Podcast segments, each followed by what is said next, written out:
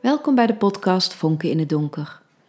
Korte verhalen en liedjes voor die momenten waarop je wel wat prikkeling of sprankeling kunt gebruiken.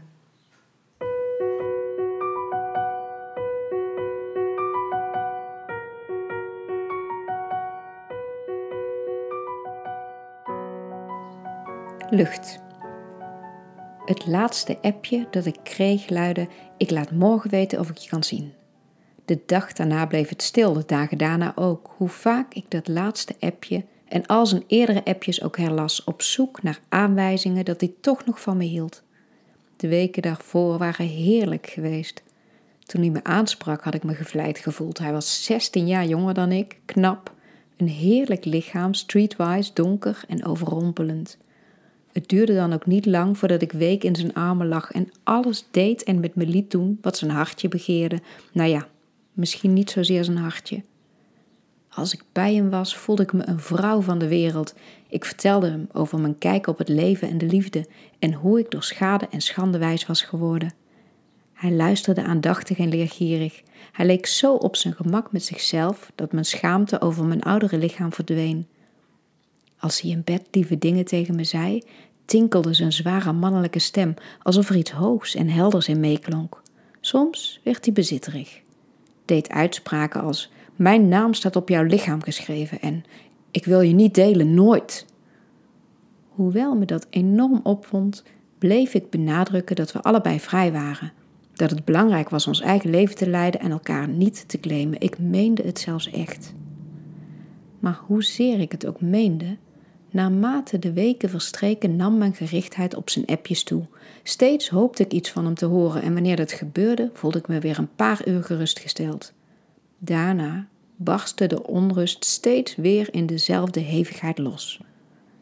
Moe van mezelf besloot ik de meldingen van WhatsApp uit te zetten en maar een paar keer per dag te kijken of ik een berichtje van hem had.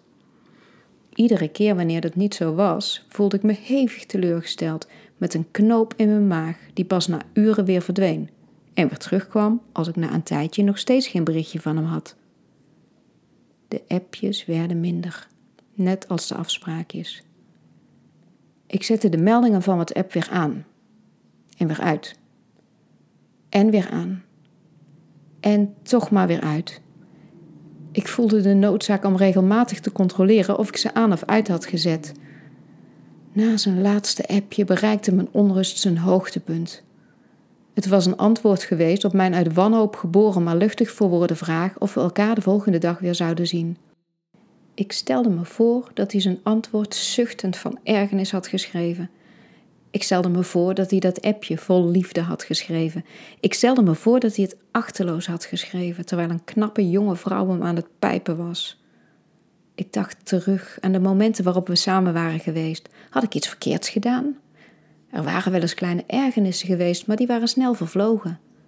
Ik voelde mijn maag een beetje samentrekken bij de herinnering aan een wandeling in het bos. Hij had zijn arm om me heen geslagen en ik was zo opgetogen geweest om met hem gearmd te lopen dat ik mijn hand van zijn middel naar zijn bil wilde laten glijden. Niet doen, had hij gezegd en ik was even geschrokken. Toen hij vervolgens mijn gezicht in zijn handen nam en me een dikke tongzoen gaf, was het meteen weer goed geweest. Zou ik nou nooit meer iets van hem horen? Nee toch. Ik stelde me voor dat hij naar me toe zou komen en dat hij me vertederd in zijn sterke armen zou nemen als ik hem zou vertellen dat ik bang was geweest dat hij niet meer zou reageren.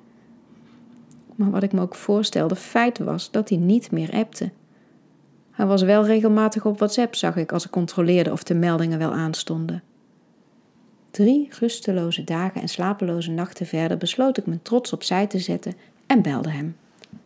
De telefoon ging één keer over en ik kreeg zijn voicemail. Had hij me weggedrukt? Mijn hart was een klomp en mijn keel zat dicht. Kom op, hij was toch niks voor mij. Hij maakte taalfouten en wat wist hij nou eigenlijk van het leven? Wat moest ik met zo'n jongen?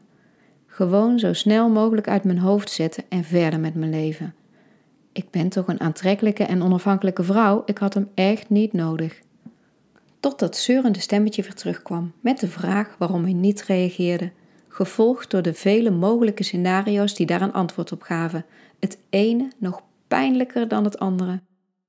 Kwaad werd ik natuurlijk ook, wat een hond dat hij niet reageerde. Nog twee dagen later besloot ik dat ik zou kunnen accepteren dat het voorbij was, als hij tenminste het fatsoen had om me dat te zeggen. Ik appte. Lieve Daniel. Liefie was te lief, maar ik wilde me ook niet laten kennen door iets onvriendelijks te schrijven. Ik hoor niks meer van je. Betekent dat dat je geen contact meer wilt of is er iets anders aan de hand? Laat je me even iets weten, ik vind het fijn om duidelijkheid te hebben. X. Ik herlas het en vond alles wat ik had geschreven even belachelijk. Het was toch duidelijk dat hij geen contact meer wilde? Wat wilde ik nou eigenlijk van hem? Wat zou er aan de hand moeten zijn? En wat is er fijn aan duidelijkheid? En ik was toch zo lekker vrij en los dat ik geen duidelijkheid nodig had? Ik wist het bericht. Typte het opnieuw, nu zonder de X aan het eind, en verstuurde het. Uiteraard kreeg ik geen reactie. Drie weken lang vocht ik met mijn neiging om hem te bellen of hem op te zoeken. Was ik kwaad op hem en nog kwaader op mezelf. Keek ik om de vijf minuten op WhatsApp om te zien of hij online was, sliep ik nauwelijks, huilde des te meer en ging ik zo vaak mogelijk op stap, dronk te veel en stelde me aan als ik met mannen sprak. Ik was niet trots op mezelf. Maar de onrust werd langzaamaan wat minder. Net toen deze draaglijk was geworden, zag ik hem op een van mijn stapavonden de kroeg binnenkomen waar ik aan de bar zat. Zonder erbij na te denken sprong ik van mijn kruk en liep op hem af. Daniel! riep ik uit. Hij reageerde niet. Te hard en te nonchalant vroeg ik hoe het met hem ging. Hij keek me niet aan, maar keek over me heen alsof ik er niet was. Ineens herinnerde ik me dat hij me had verteld hoe hij kon doen alsof iemand lucht voor hem was. De rillingen liepen over mijn rug en ik verstarde. Het leek alsof iedereen in het café zijn adem inhield en gadesloeg wat er gebeurde. Genegeerd en te kijk gezet, beroerder kon het niet worden. Daniel draaide zich om, maakte drie ratslagen en liep langzaam richting de deur. Het lachen van de mensen om me heen gonsde in mijn oren en ik kon alleen maar naar de spijkerbroek van Daniel kijken, met daarin zijn mooie billen en de benen die van me wegliepen.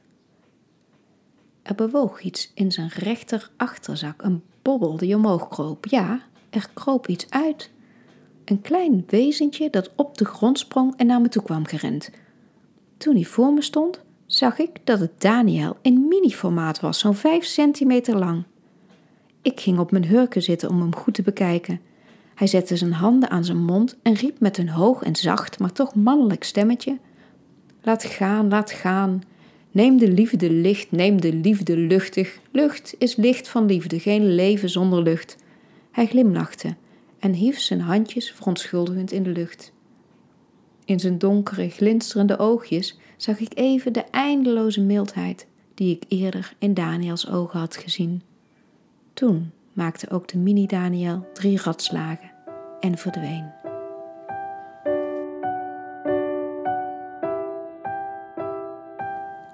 Bedankt voor het luisteren naar het verhaal Lucht in de podcast Vonken in het Donker.